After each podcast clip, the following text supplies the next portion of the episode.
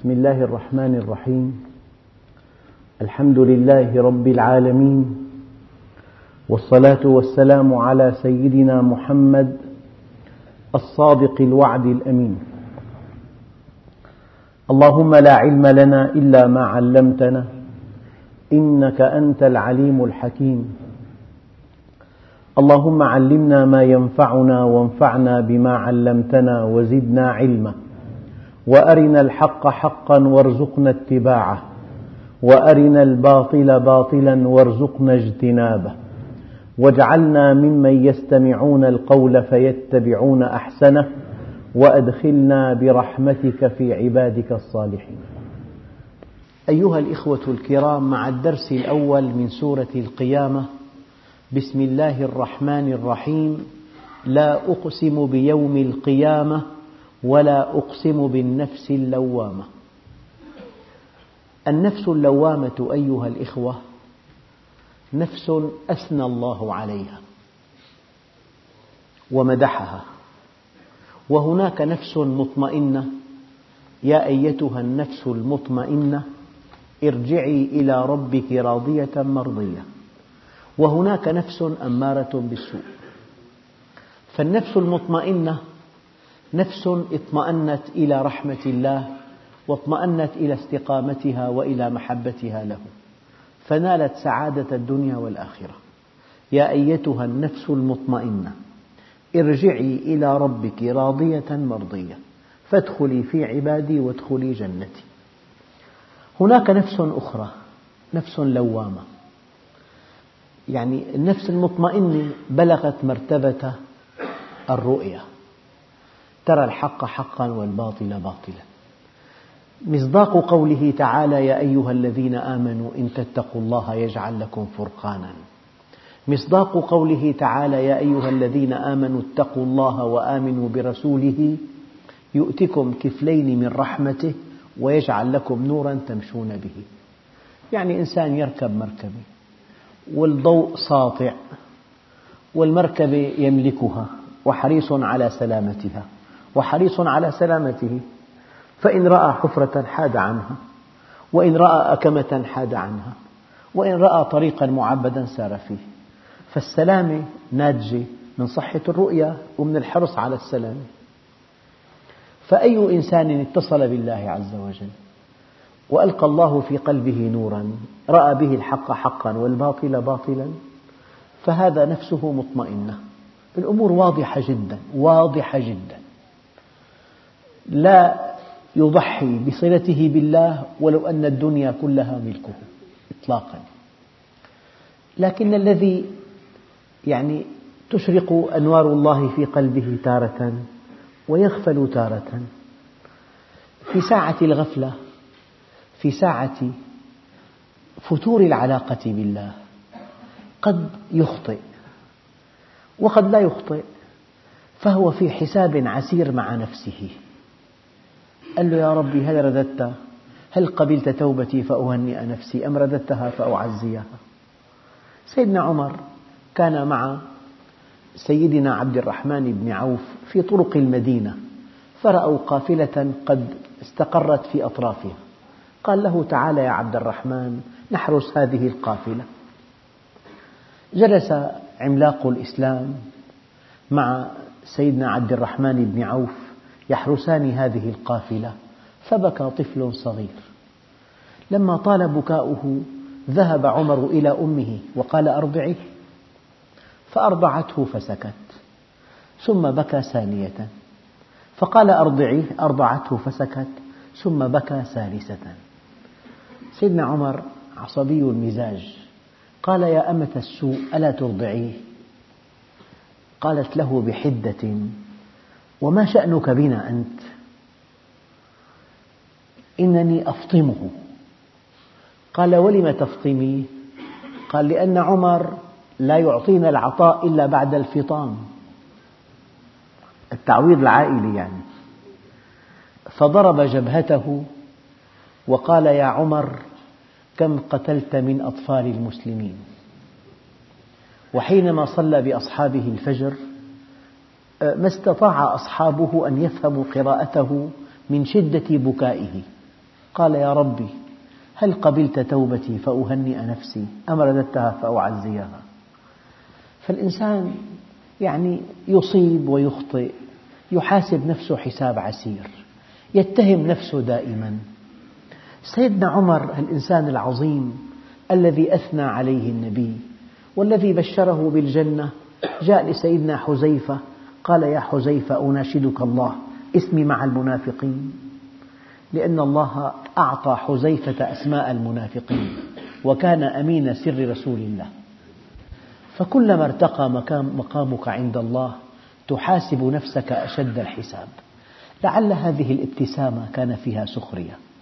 لعل هذه الكلمة فيها اعتزاز. لعل هذا التصرف جرح شعور فلان. لعل عدم تلبية هذه الدعوة يعني انكمش لها فلان. فالمؤمن يتقلب في اليوم الواحد بأربعين حال بين أنه يرضى بين أنه لا يرضى عن نفسه بين أنه يستبشر بين أنه يخاف. فالوضع الحريص على رضاء الله والحريص على طاعة الله والحريص على استقامته مع الله هذا الحرص الشديد يجعله بحالة محاسبة نفسية شديدة. هذا الذي يحاسب نفسه حسابا عسيرا أثنى الله عليه قال لا أقسم بيوم القيامة ولا أقسم بالنفس اللوامة. لذلك ورد عن رسول الله صلى الله عليه وسلم في الحديث الصحيح لو لم تذنبوا لذهب الله بكم وأتى بقوم يذنبون فيستغفرون فيغفر الله لهم. إياكم ثم إياكم ثم إياكم. أن تأخذوا هذا الحديث على ظاهره.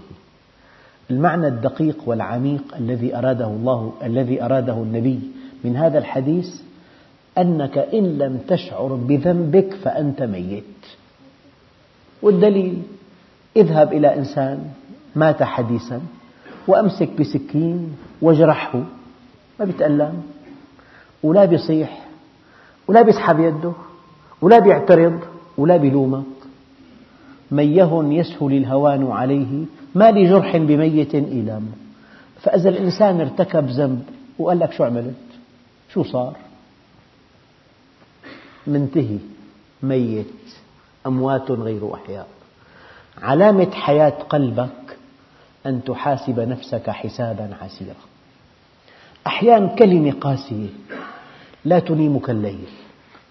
أحيانا موقف غير مدروس من مؤمن قد تبكي طوال الليل فهذا الذي يبكي ويتألم ويحاسب نفسه حساب عسير ويخشى الله عز وجل يخشى ألا يكون الله راضيا عنه يخشى ألا يكون متبعا لسنة النبي. هذه نفس طيبة طاهرة أنعم بها من نفس. جعلنا الله من هؤلاء أقسم الله بها أقسم الله بها. لا أقسم بيوم القيامة ولا أقسم بالنفس اللوامة. لذلك المنافق يبقى أربعين عاما في حال واحد.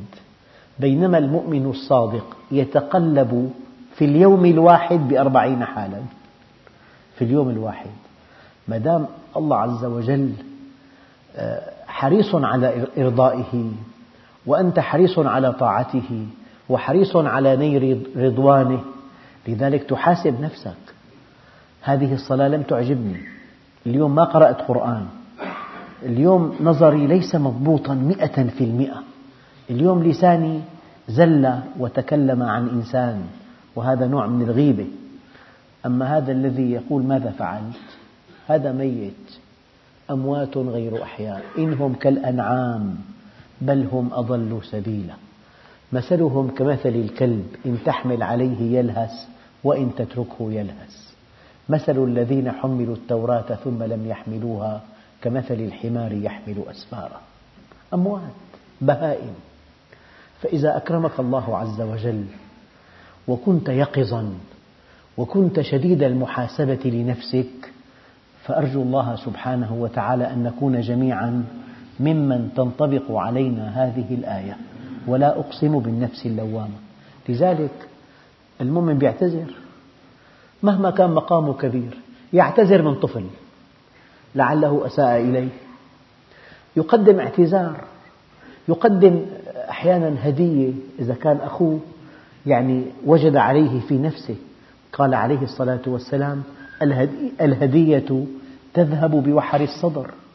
إذا أنت تكلمت كلمة مع أخوك قاسية فأعرض عنك. يجب أن تقدم له شيئا تستميل قلبه به. على كل نقطة دقيقة أضعها بين أيديكم. هو أن الله عز وجل يقول وما كان الله ليعذبهم وأنت فيهم واضحة الآية. إلا أن فيها إشكال. هو بين ظهرانيهم ما كان الله ليعذبهم. أما حينما ينتقل النبي صلى الله عليه وسلم إلى جوار ربه ما معنى الآية؟ هو بين ظهرانيهم يبلغهم هم في بحبوحة التبليغ في أثناء التبليغ. كما أن الطلاب في أثناء العام الدراسي في بحبوحة. الطالب لن يفصل ما دام ضمن العام الدراسي يفصل متى؟ بعد الامتحان وبعد رسوبه. سنتين يفصل. أما في أثناء العام الدراسي في بحبوحة العام الدراسي. وما دام النبي عليه الصلاة والسلام بين ظهراني أمته فهم في بحبوحة بحبوحة وجود النبي بين ظهرانيهم. أما حينما ينتقل النبي صلى الله عليه وسلم إلى الرفيق الأعلى. معنى الآية أنه إذا كانت سنة النبي عليه الصلاة والسلام مطبقة في حياتهم هم في أمن من عذاب الله. يعني إذا بيتك إسلامي إذا عملك إسلامي حركتك إسلامية سفرك إسلامي أفراحك إسلامية حتى المآسي إسلامية في مع صبر في مع ضبط لسان في مع يعني كلام طيب عن الله عز وجل أنت في بحبوحة. لأن سيدنا رسول الله عليه الصلاة والسلام كان يردف سيدنا معاذا خلفه على دابة. قال يا معاذ ما حق الله على عباده؟ قال أن يعبدوه. قال يا معاذ قال النبي الكريم أن يعبدوه فلما سأله ثانية يا معاذ ما حق العباد على الله إذا هم عبدوه؟ فقال الله ورسوله أعلم. قال حق العباد على الله إذا هم عبدوه ألا يعذبهم. هذا كلام إلنا جميعا. خالق الكون على لسان رسوله الذي لا ينطق عن الهوى. أكبر ضمان لك هذا الحديث. إن عبدته أنشأ لك حقا عليه ألا يعذبك. إن عبدته حق العبادة أنشأ لك حقا عليه ألا يعذبك. لذلك معنى قوله تعالى وما كان الله ليعذبهم وأنت فيهم. إذا كنت متبع سنة النبي إذا كنت تدعي أنك تحب الله فالله جل جلاله لا يرضى منك هذا الادعاء إلا بالدليل والدليل اتباع سنة النبي. قال تعالى قل إن كنتم تحبون الله فاتبعوني يحببكم الله ويغفر لكم. علامة حبك لله اتباعك لسنة النبي. هي بحبوحة. هذه البحبوحة تمهيد لشيء آخر. قال تعالى وما كان الله ليعذبهم وأنت فيهم وما كان الله معذبهم وهم يستغفرون. المعنى دقيق جدا. هذا معنى نفس اللوامة. يعني إنسان زلت قدمه تكلم كلمة غير صحيحة صار في خطأ طيب ماذا يفعل؟ يستغفر يتوب يعمل عمل صالح. إن الحسنات يذهبن السيئات. يعني أب عالم وله ابن يعلق عليه آمالا كبيرة ويحرص على تفوقه الدراسي حرصا لا حدود له. هذا الابن دخل الامتحان ونال صفر بالرياضيات. فالأب امتلأ غيظا من ابنه على إهماله فأراد أن يؤدبه تأديبا شديدا. نظر إلى ابنه الذي سيؤدبه على تقصيره رآه مصفر اللون لم يأكل الطعام. أصابه هم شديد. معه مبلغ بسيط جمعه في العيد. أراد أن يأخذ درسا خصوصيا في الرياضيات من من هذه من هذا المبلغ الذي معه. فلما رأى الأب ابنه على هذه الحال اهتم اهتمام شديد تألم ألم شديد خاف خوف شديد. ما عاد أكل ما عاد نام وحينفق كل شيء بملكه على دروس خصوصية مثلا. فهذا الموقف جعل الأب يؤخر تأديبه لذلك ما وما كان الله ليعذبهم وأنت فيهم وما كان الله معذبهم وهم يستغفرون. يعني أنت في غلط لا سمح الله ولا قدر. مع الغلط في ندم مع الندم في توبة في استغفار في رجاء من الله عز وجل في تذلل في بكاء. أيضا أنت في بحبوحة ثانية بحبوحة الطاعة وبحبوحة الاستغفار وهذا معنى المعنى الدقيق لقوله تعالى لا أقسم بيوم القيامة ولا أقسم بالنفس اللوامة. فالنفس نفس مطمئنة ونفس لوامة. أما النفس الثالثة الأمارة بالسوء أقول لكم مرة ثانية إياكم ثم إياكم ثم إياكم أن تعتقدوا أن الله خلقها أمارة بالسوء. لو أن الله خلقها أمارة بالسوء ما ذنبها؟ ما لا ذنب. وما حيلتها؟ ألقاه في اليم مكتوفا وقال له إياك إياك أن تبتل بالماء. هذا المعنى الجبري مرفوض. هي النفس الأمارة بالسوء نفس عادية كأي نفس أخرى. هذه النفس فلسفة الشر الآن. هذه النفس أودع الله فيها الشهوات. هذه الشهوات لا بد منها للجنة. لا يمكن أن ندخل الجنة بلا شهوات الجنة تحتاج إلى عمل. فإذا كنت لا تشتهي شيئا ولا تحب شيئا ولا تكره شيئا فكيف السبيل إلى أن تعمل صالحا؟ هذه الطاولة. لا تحب ولا تكره ولا تجوع ولا تبرد ولا تتعرى ولا تشتكي ولا تتألم.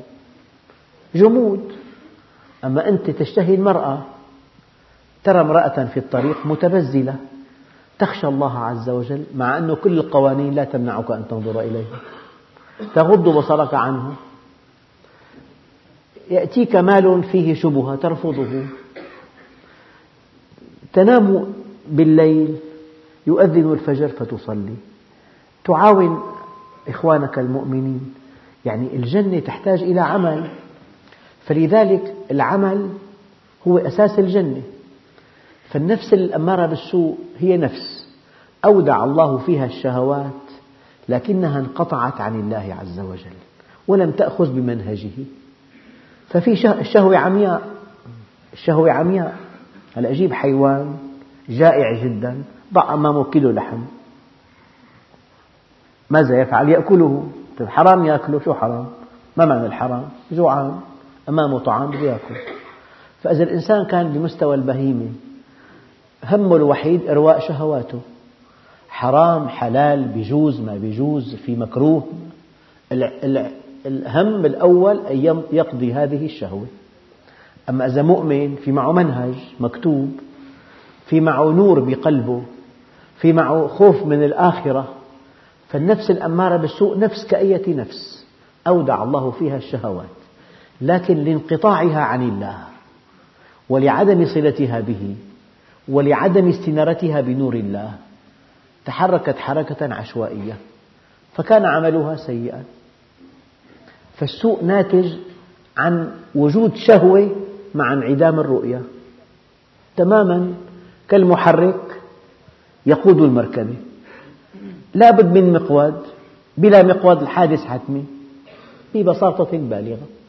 محرك يندفع بالسيارة بسرعة عالية والطريق متعرج وما في مقود فالحادث حتمي.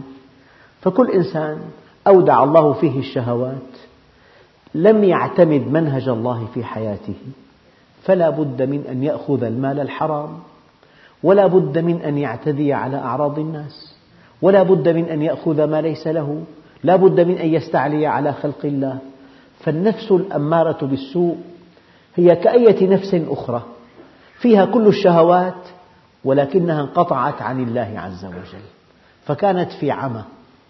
ومن لم يجعل الله له نورا فما له من نور. يعني إنها لا تعمى الأبصار ولكن تعمى القلوب التي في الصدور. فالله ما خلق نفس أمارة بالسوء خلق نفس طاهرة ذات فطرة عالية. نفسا طاهرة ذات فطرة عالية. إلا أن هذه النفس فيها شهوات شيء طبيعي. كل واحد منا يشتهي المال يشتهي المرأة يشتهي العلو في الأرض. بس الله جعل لها الشهوات قنوات نظيفة. المال اكسبه من طريق مشروع والمرأة آه، اقترن بها بعقد زواج. وطاعتك لله عز وجل ترفع ذكرك عند الناس. فهذه الميول الأساسية في الإنسان تروى عن طريق الطاعات. فتجمع بين إرواء هذه الميول وبين علوك وبين راحتك النفسية. يعني مثلا لو العلاقة مع المرأة غير مشروعة بيقول لك بخاف بخاف من الفضيحة بخاف من مداهمة بيت في دعارة بخاف, بخاف دائما خايف. أما إذا الإنسان تزوج يطلقون أبواق السيارات لتصم الآذان نحن متزوجين ولا يستحيون بهذا. شيء مشروع لأنه فما في شهوة الله أودعها بالإنسان إلا في قناة نظيفة. لذلك النفس الأمارة بالسوء نفس فيها شهوات كغيرها من النفوس لكن انقطاعها عن الله عز وجل. جعلها تتحرك بلا نور وحركة بلا نور والطريق متعرج الحادث حتمي. هي الشغلة حركة بلا نور والطريق متعرج والحادث حتمي. ومن لم يجعل الله له نورا فما له من نور. الصلاة نور النبي قال الصلاة نور. الاتصال بالله يعطيك رؤية صحيحة. لذلك العقل وحده لا يكفي وأكبر دليل العالم الغربي. يعني العقل محكم في كل شيء. عقلهم أودى بهم إلى الشقاء. شقاء كبير. يعني أحد رؤساء الدول هناك العظمى يقول أن أربع أخطار تتهدد أمريكا. لعلك تظنها الصين أو أوروبا المتحدة أو اليابان لا. تفكك الأسرة وشيوع الجريمة والمخدرات والإيدز هذه الأخطار لأنهم خرجوا عن منهج الله. تفلتوا من دون قيد. إذا النفس الأمارة بالسوء نفس عادية. إلا أن هذه النفس تحركت بلا نور.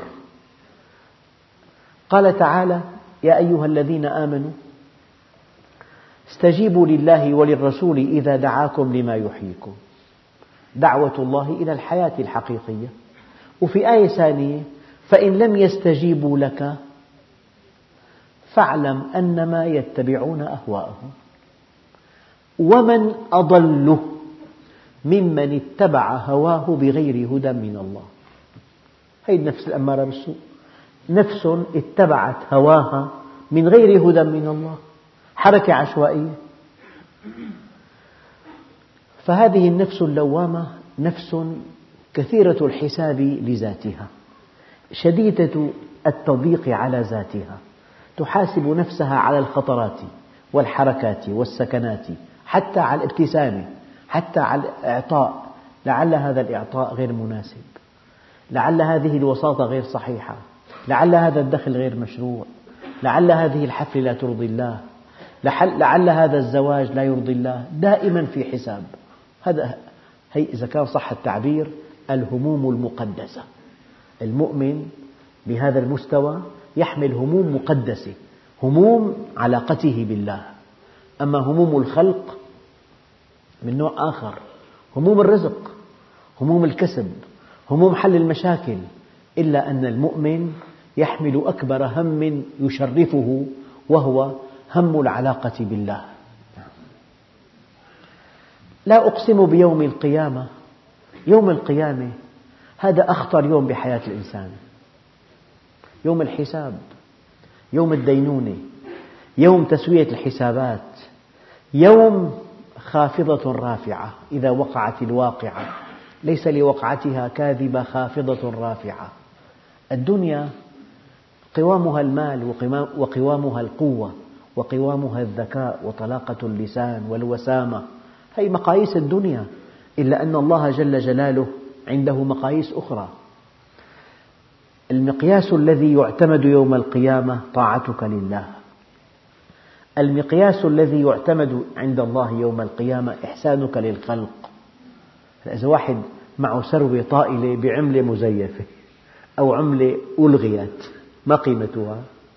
أو انتقل من بلد إلى بلد معه عملة البلد الأول وهذه العملة غير رائجة هناك ولا في صرافين معك مئة مليون متمني تاكل شطيرة ما في. العملة غير مقبولة هناك. فإذا الإنسان مكتسباته في الدنيا المال والصحة والجاه وجاءه ملك الموت. والموت قريب يا أخوان. قريب جدا جدا جدا. بعد ما صلينا الجمعة اليوم اجى أخ كريم قال لي في رجل بالقاعة توفي أثناء الصلاة. طبعا وفاة جيدة جدا. في مسجد ويوم الجمعة وفي أثناء الصلاة. بس الموت قريب جدا. يعني هو ما خرج من بيته حتى يموت. يعني ما مات بالقاعة توفي. فالموت قريب وما له سبب. أيام إنسان بيعاني مرض 30 سنة ما بيموت. أيام بيموت خطف. فما دام هذا الموت يأتي فجأة وهذا مغادرة بلا عودة فما ما في أعقل ممن يستعد له. ما في أعقل ممن يستعد له. فيوم القيامة يوم الدينونة يوم تسوية الحسابات. أنا ما بعتقد إنسان يعصي الله وكلامي دقيق وخطير. أنا لا أصدق إنسان يعصي الله أو يأخذ ما ليس له. وهو مؤمن أن هناك يوم قيامة سيحاسب به عن كل شيء. ألا تقرأ قوله تعالى فمن يعمل مثقال ذرة خيرا يره. مثقال ذرة. ومن يعمل مثقال ذرة شرا يره. يعني إذا أنت عم تتوضأ وجدت نملة على المغسلة وانتظرت حتى صعدت ولم تغرقها بالماء لك هذا عمل صالح هذا عمل مسجل لك. فما فوقه؟ دخلت امرأة النار في هرة حبستها. لا هي أطعمتها ولا هي تركتها تأكل من خشاش الأرض. دخلت امرأة النار في هرة. قالت له قصيرة قال يا عائشة لقد قلت كلمة. لو مزجت بمياه البحر لأفسدته. سهرات للساعة واحدة كلها غيبة ونميمة. ومعاصي ومشاهدة أفلام ساقطة. وانحراف. وأكل مال بالحرام وثمانية آلاف قضية بقصر العدل. أين المسلمون اليوم؟ أين هم من أحكام دينهم؟ لذلك دققوا في هذه الكلمة. هان أمر الله على المسلمين فهانوا على الله. ألف كأف لا نقيم لهم يوم القيامة وزنا. يوشك أن تداعى عليكم الأمم كما تداعى الأكلة إلى قصعتها. قالوا أمن قلة نحن يومئذ؟ قال لا. أنتم كثير كثير. ولكنهم ولكنكم غثاء كغثاء السيل. لما يا رسول الله؟ قال يصيبكم الوهن. قيل وما الوهن؟ قال حب الدنيا وكراهية الموت. حب الدنيا وكراهية الموت. فيا أيها الإخوة الكرام يوم القيامة إذا ما أدخلناه بحساباتنا اليومية والساعية بكل حركة بكل سكنة بكل صفقة لبسته إياها. يعني شاطر أنت لا مالك شاطر. سوف تدفع الثمن مضاعف بالدنيا قبل الآخرة. إذا كان بياع باع شيء مغشوش وأخذ فيه سعر عالي يظن نفسه شاطر. يظن نفسه تاجر ماهر. لا. التجارة أساسها الصدق. إذا أخذ ما ليس أخ كبير وعنده خمس إخوة وتوفي الأب استطاع الكبير أن يأخذ كل شيء. بعد نفسه قوي لا ما لك قوي. سوف تغدو ضعيفا يوم القيامة. وسيدنا علي بيقول الغنى والفقر بعد العرض على الله. الغنى لا قيمة له. أنا جالس مع طبيب قلب من يومين ثلاثة. سألته هذا الشريان الأبهر يلي شاغل الدنيا. يلي أكبر مشكلة بيعاني منها الإنسان بالعصر الحديث. تضيق هذا الشريان والقسطرة 35 ألف. بعدين زرع شريان بعدين بالون بعدين راسور. هذا الشريان كم قطره؟ قال لي مليمتر واحد. يعني كل آمالك وكل قوتك وكل عظمتك إن صح التعبير على مليمتر فراغ. إذا بيصغر تعاني ما تعاني. إذا هالمليمتر بيضيق لنصف مليمتر تعاني أشياء كثيرة لا تحتمل. فكل شيء بتملكه على بقاء هالشريان مفتوح مليمتر هي قصة. وكل شيء بتملكه على بقاء الدم سائل. فإذا صار لزج انتهت الحياة. شو هي جلطة؟ هي جلطة. خسر الدم بمكان بالدماغ. وكل حركتك ونشاطك على بقاء الدم في الدماغ سيال. إذا تجمد بالدماغ بمكان شلل بمكان عمى بمكان فقد ذاكرة وكل حركتك ونشاطك على نمو الخلايا نمو منضبط. فإذا ما عاد نمو منضبط انتهت الحياة. وكل مكتسباتك على عمل الكليتين إذا توقفتا انتهت الحياة. شيء مخيف. كلوة لو توقفت أصبحت الحياة جحيما لا يطاق. وين بدك زرع كلية؟ الإنسان يبحث وين؟ مشان نأمن كلية تقوم مقام الكلية الطبيعية. فشو الإنسان؟ الإنسان ضعيف جدا. إذا قال أنا بيكون أحمق أحمق. إذا قال أنا مين أنت؟ أنت على متر لمعة شريان وعلى سيولة دم وعلى نمو خلايا منضبط كل شيء بتملكه. لو هالدم تجمد تطلع النعوة. كان شخص صار صار خبر على الحيطان. لو هالشريان داء شوي وانسد تطلع النعوة لو هالخلايا نمت نمو عشوائي تطلع النعوة وعم نودع بعضنا كلياتنا. باليوم فيه ستين سبعين موتة بالشارع في حوالي أربعين نعوة في ستين حالة وفاة. والناس هكذا. وشاءت حكمة الله أن نغادر الدنيا تباعا ليتعظ بعضنا ببعض. أما أخطر شيء بحياتنا يوم القيامة تحاسب عنه حسابا عسيرا. القرآن 600 صفحة 600 نقرأه. نسمع تفسير آية بساعة. ما شاء الله شو هالدرس بيقول لك؟ بنحفظه نسمعه على شريط. آه، نقرأ تفسيره. أعرابي قال له عظني ولا تطل. أم قال له آية واحدة قال له حاشا بتكفي خلاص. قال له فمن يعمل مثقال ذرة خيرا يره ومن يعمل مثقال ذرة شرا قال له كفيت. فقال فقه الرجل. يا ترى بتكفينا آية واحدة نحن. إن الله كان عليكم رقيبا. تفضل. الله معك دائما. ألا تستحي منه؟ قل آمنت بالله ثم استقم. قال أريد أخف من ذلك. قال إذا فاستعد للبلاء. يوم القيامة شغلة خطيرة جدا. يعني هلا الامتحان بالجامعة. أخطر شيء ممكن ترتدي ثياب أنيقة تروح على الجامعة. بتحب تعمل زهوقك تحط روب أبيض أنا طالب طب مثلا تحطه هيك تمشي فيه. ممكن. ممكن تلاقي في ندوة فيها مثلا طاولات وفيها زميلات. بس أهم شيء بالجامعة الامتحان. إذا ما نجحت التجارة أهم شيء فيها الربح. وهي الحياة أخطر شيء ينتظرنا جميعا هذا اليوم. يوم الدينونة يوم الحساب يوم السؤال لماذا فعلت؟ قال لي واحد انصحني. يعني يعمل في عمل رسمي بس معه قوة كبيرة. ممكن يعني إذا واحد أسعاره غير صحيحة يحطه بالسجن. يكتب ضبط يعني رأسا. قال لي انصحني. قلت له افعل ما تشاء. أو طلع فيني. قلت له افعل ما تشاء ولكنك إذا كنت بطلا هيئ لله جوابا عن كل ضبط. الله بده يحاسبك كلهم عباده قلت له والله هو الذي سيحاسب. فهي قضية القيامة أنا والله أيها الإخوة. أشعر وأنا متألم أنه أن هناك مسلمون أن هناك مسلمين كثيرين جدا من خلال حركاتهم بالحياة وكأن هذا اليوم ليس داخلا في حساباتهم إطلاقا. اللي عم يأكل مال أخوه غصبا. هذا مسلم؟ يخاف الله عز وجل؟ المسلم يخاف من الله على كلمة على نظرة على شيء. سيدنا رسول الله انقطع الوحي أسبوعين. قال لها يا عائشة غريب. لعلها تمرة وجدتها على السرير فأكلتها. لعلها من تمر الصدقة. تمرة واحدة. يعني هذا اللي ما بيحلل وبيحرم. كله ماشي لا تدقق. شو هذا؟ هؤلاء المسلمون هذا حالهم الآن؟ في تقصير في تجاوزات. إذا لا أقسم بيوم القيامة. طيب هذه الأقسم يعني الله عز وجل يقسم بهذا اليوم. بعضهم قال لا أقسم أي أقسم؟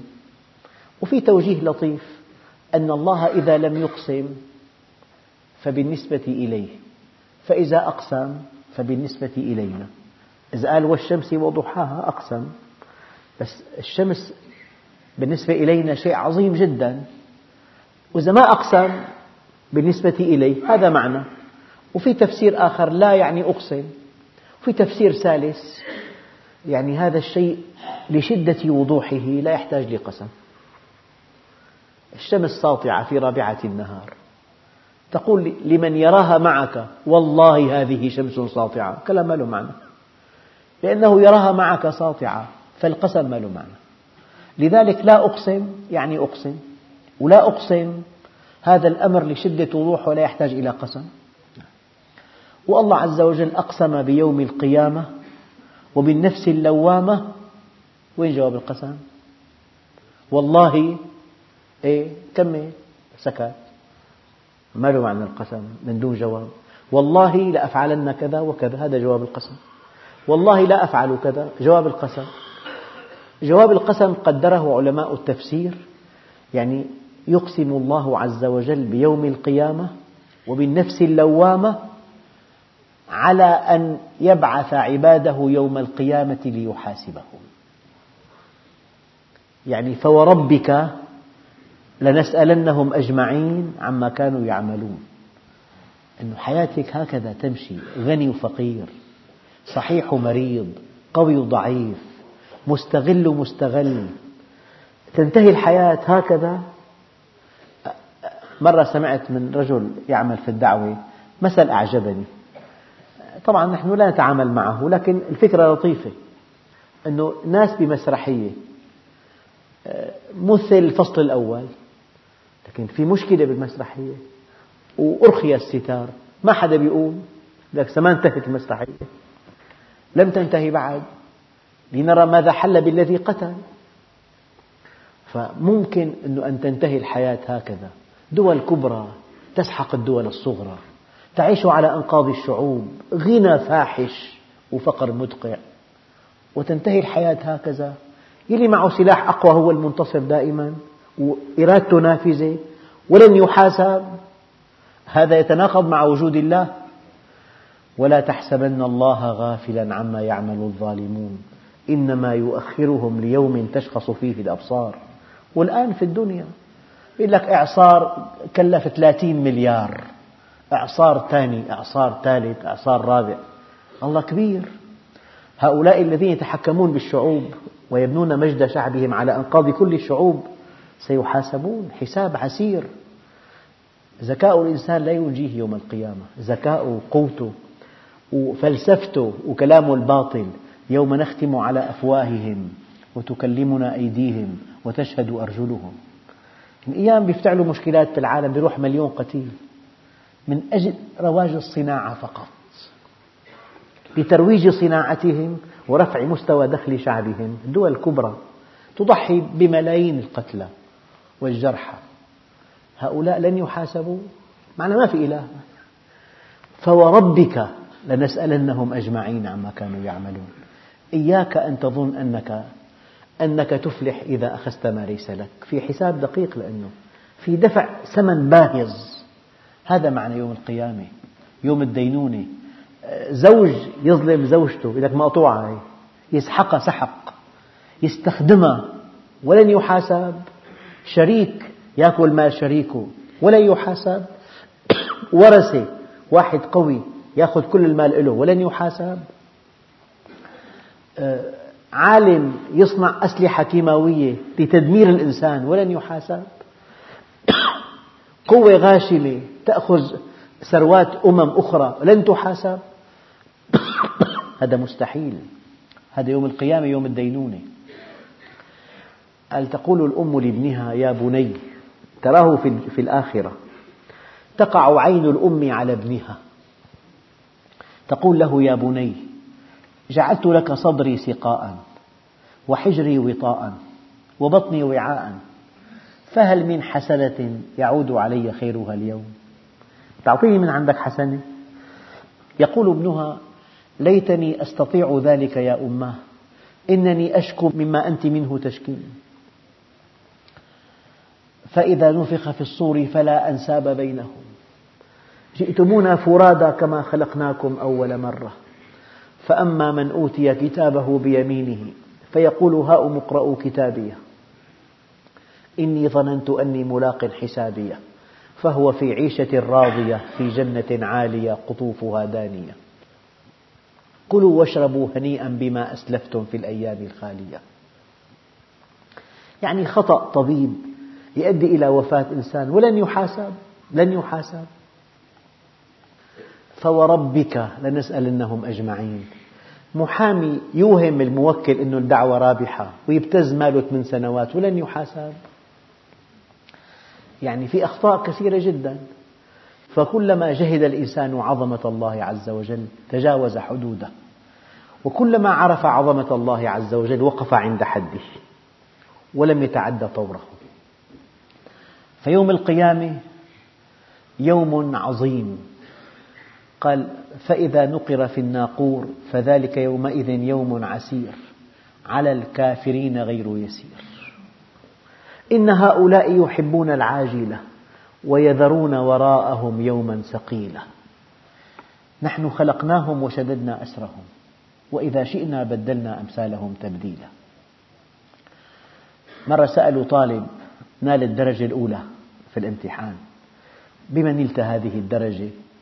قال لأن لحظة الامتحان لم تغادر مخيلتي إطلاقا وأنا أقول لكم لا ينجو الإنسان من حساب هذا اليوم العسير إلا إذا كان هذا اليوم ماثلا أمامك طوال الحياة. قبل أن تقول له كذا مو سعر فاحش. قبل أن تبيعه بضاعة فاسدة. قبل أن تخفي عنه العيب. قبل أن تغش البضاعة. قبل أن تضع لإنسان فخ. يعني ألا ترى أن الله بده يحاسبك؟ حساب شديد. إذا أيها الإخوة أركان الإيمان خمسة. أكثر ركنين جاء معا في القرآن الكريم الإيمان بالله واليوم الآخر. لأنك لن تستقيم إلا إذا آمنت أن الله يعلم وسيحاسب. أبدا. يعلم وسيحاسب. الله موجود. ويعلم وسيحاسب. لا بد ما تستقيم. مستحيل. بل تستقيم مع إنسان إذا كان يعلم وسيحاسبك. مع إنسان تستقيم. ولن تخطئ معه أبدا. أيحسب الإنسان أن لن نجمع عظامه؟ يعني أن لن نعيد خلقه مرة ثانية؟ بلى قادرين على أن نسوي بنانا. الباهم له شكل. خطوط وجزر ونتوءات وفروع وشعب. ممكن نستنبط من من الإبهاء الباهم شكل الباهم مئة نقطة مئة. فما في إنسان بيشبه باهمه إنسان آخر. كبر صوروا باهم وكبروه بحجم متر مربع وعرضوا عليه مليون صورة. ما اتفقت صورة مع الباهم. أبدا. لذلك باهمك هويتك وإذا وجدنا سبع نقاط مشتركة بين إبهامين يكونان لشخص واحد. سبعة ما في اشتراك. حتى بعض المجرمين بأمريكا جابوا لحم من أعضائهم الأخرى وضعوه فوق الباهم وخيطوه حتى يخفوا معالم جرائمهم. بعد أربعة أشهر ظهرت الخطوط على اللحم الجديد. فهذه الخطوط الدقيقة. جزر نتوءات فروع شعاب هذه سوف تعود يوم القيامة. تسوى مرة ثانية. يعني أيحسب الإنسان أن لن نجمع عظامه؟ بلى قادرين على أن نسوي بنانه.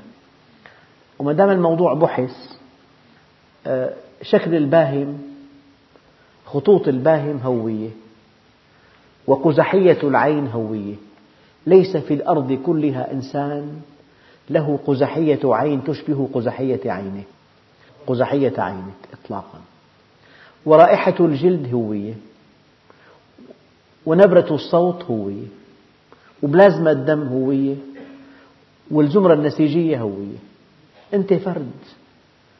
لكرامتك عند الله عز وجل جعل لك صفات مشابهة لصفات الإله عز وجل. الله فرد وجعلك فرد. فشكل وجهك تتميز به. رائحة الجلد تتميز بها. قزحية العين تتميز بها. نبرة الصوت تتميز بها. شكل الإبهام تتميز به. بلازما الدم. الزمرة النسيجية.